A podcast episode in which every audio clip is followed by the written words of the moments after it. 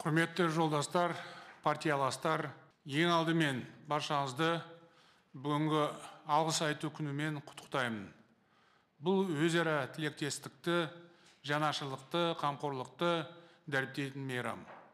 Біз осындай ынтымақтың арқасында қаңтардағы қиын қыстау күндерде мемлекеттігіміз бен тұтастығымызды қорғап қалдық. Сын сағатта бірлігін сақтай білген барша отандастарымызға зор ризашылық білдіремін ұйымды жаңғырту туралы алқалы жиынның дәл бүгін өтуінің символдық мәні бар. Бірінші наурыз партияның құрылған күні.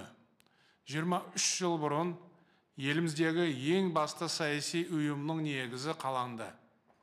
Партия халықты ортақ мақсатқа жұмылдырды. Қоғамға пайдалы көптеген бастамалар көтеріп сайлаушылардың қолдауына ие болды. Созданная первым президентом Нурсултаном Абишевичем Назарбаевым партия Нуротан сыграла важную роль в государственном строительстве. Она объединила вокруг себя наше общество для реализации задач по укреплению потенциала Казахстана как ведущего государства Центральной Азии. Говоря о будущем партии, мы не должны забывать о ее реальных заслугах в прошлом. Это значит, что мы должны с благодарностью помнить труд всех преданных делу партии активистов. Но время не стоит на месте. Появляются новые задачи, требующие своего решения. Мы обязаны реагировать на новые политические и экономические реалии. В противном случае застой со всеми его последствиями. Қазір бүкіл әлемдегі ахуал өзгеріп жатыр Жаңа құндылықтармен қатар күрделі сын қатерлер пайда болуда. Осындай аумалы төкпелі уақытта еліміз дамудың келесі кезеңіне қадам басты. Біз жаңа қазақстанды құруға кірістік. Бұл өте ауқымды міндет. Тіпті болашақтағы тағдырымызды шешетін аса маңызды жұмыс деуге болады. Оны ойдағыдай жүзеге асыру үшін жаңа мақсат міндеттерімізді айқындап алуымыз қажет. Партия барлық реформаға ұйытқы болуға тиіс. Ол үшін өзгерісті алдымен өзімізден бастауымыз керек. Сондықтан бүгінгі күн тәртібіндегі негізгі мәселе партияны жаңғырту.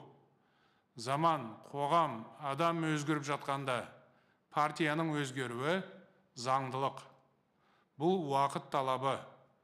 Осыған орай жаңа ғана айтылғандай саяси ұйымның атауын аманат деп өзгерту ұсынылды. Жасыратын ештеңе жоқ. Мен де бұл мәселеге байланысты пікірталасқа қатыстым. Бірнеше ұсыныс болды.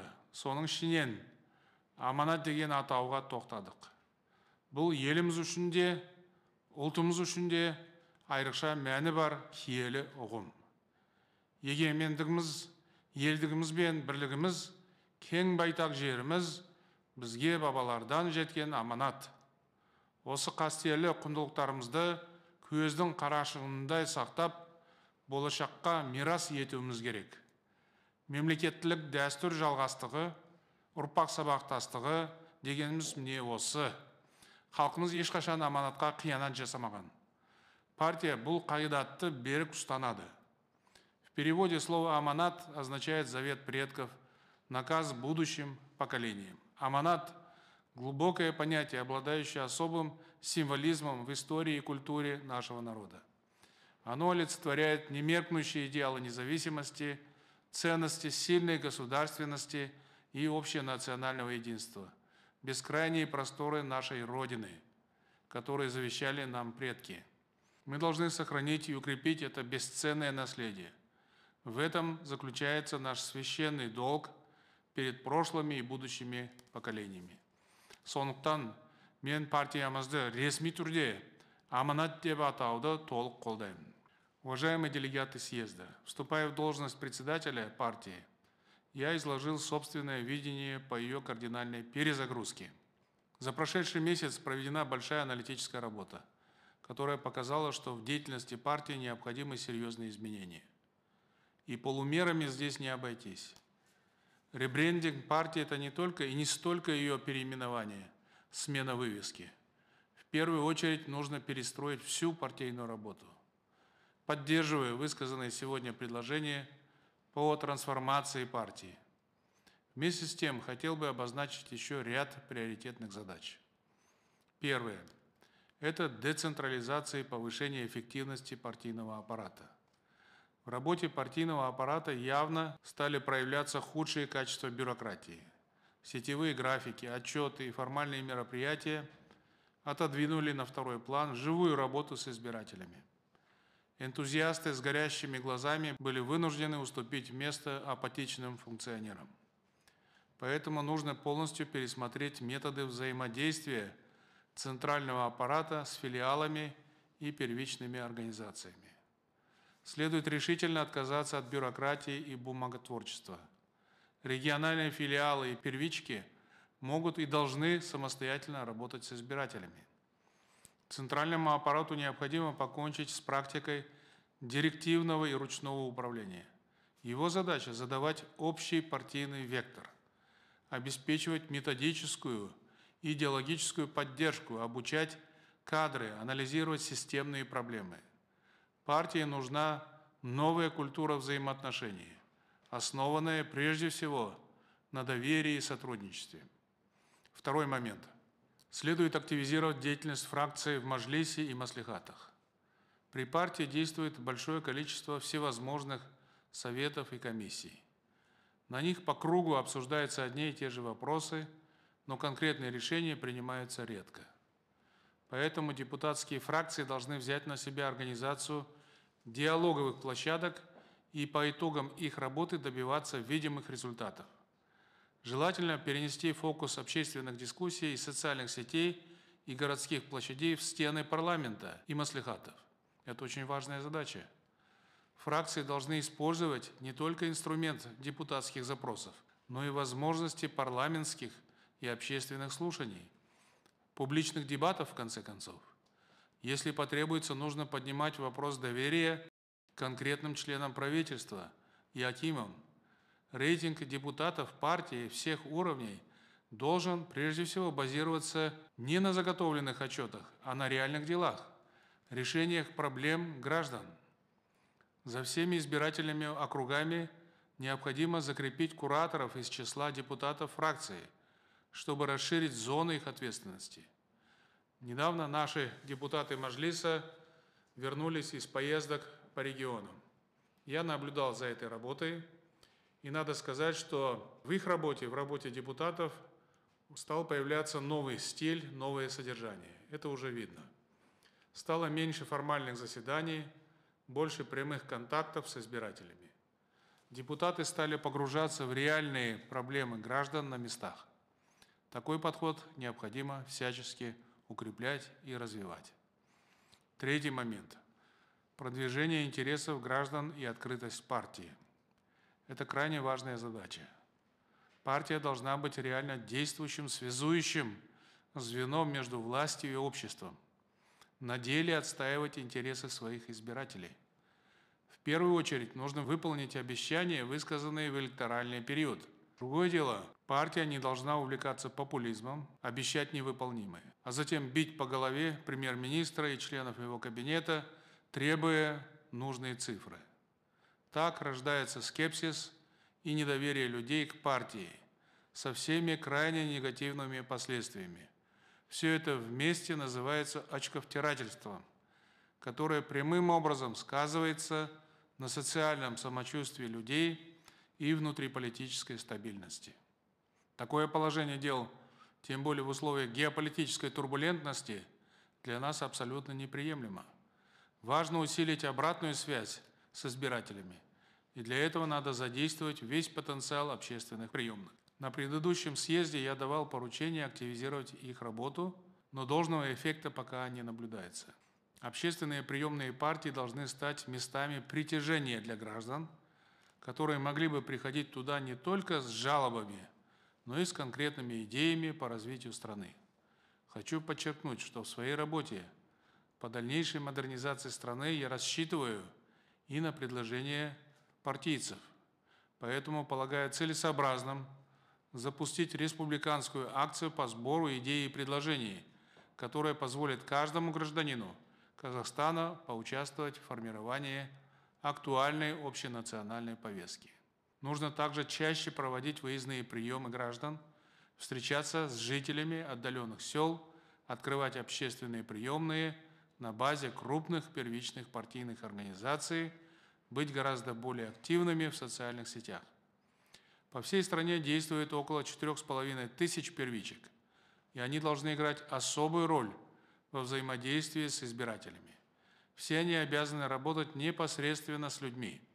Поэтому, думаю, следует поддержать идею о направлении части членских взносов на развитие первичных партийных организаций. Важно выстроить более тесное сотрудничество с неправительственным сектором, особенно в сфере противодействия коррупции – в целом партия должна принимать самое активное участие в жизни общества, оперативно реагировать на события, открыто, ясно, убедительно разъяснять свою позицию по актуальным вопросам. Четвертый аспект. Здесь речь идет о расширении инструментария внутрипартийных выборов и активном участии в выборах акимов. На прошедших выборах в Мажилис и Маслихаты впервые была опробирована модель внутрипартийных выборов. В ходе праймериз в партию пришли активные люди. Появилась внутрипартийная конкуренция. Это правильное развитие событий.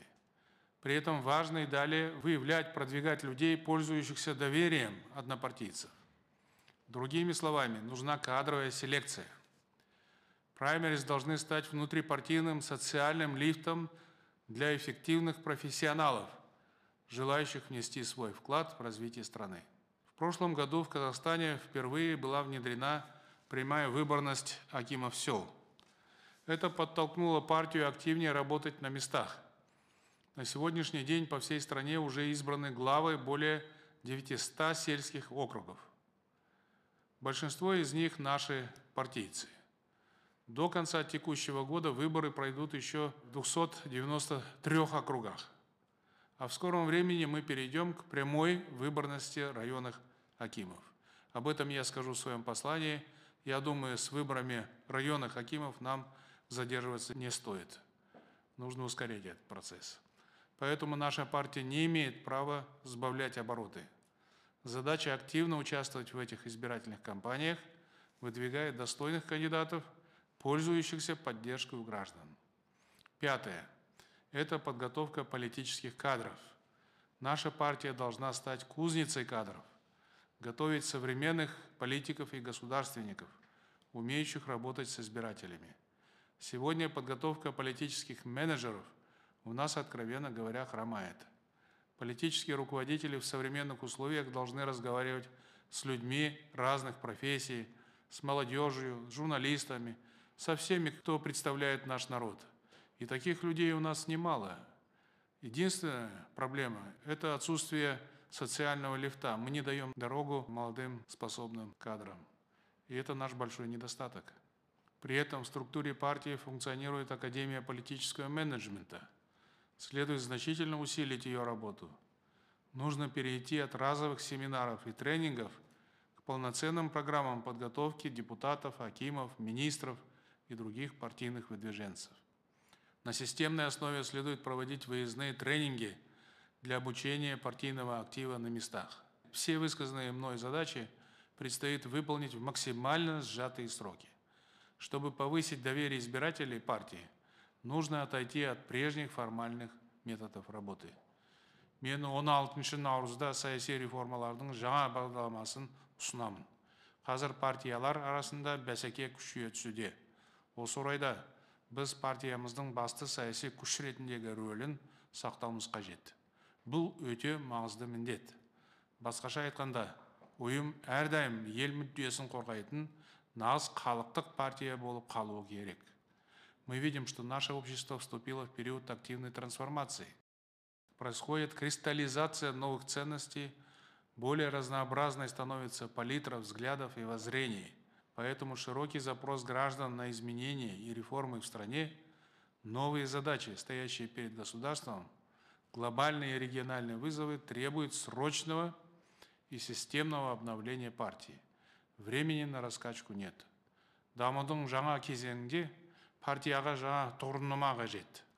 бірақ негізгі құндылықтарымыз өзгермеуге тиіс орталық ақпаратқа жұмыс тобын құрып партияның жаңа тұғырнамасын әзірлеуді тапсырамын оның партия ішінде мұқият талқылап келесі съезде бекітеміз партия аманат это центристская партия здравого смысла партия справедливости партия народного единства партия неуклонного движения вперед партия которая слышит мнение чаяния народа и действует во имя интересов наших граждан все сказанное приобретает особое значение на фоне событий, происходящих вокруг Украины. Наша позиция должна исходить из критической необходимости обеспечения безопасности, суверенитета, территориальной целостности нашего государства.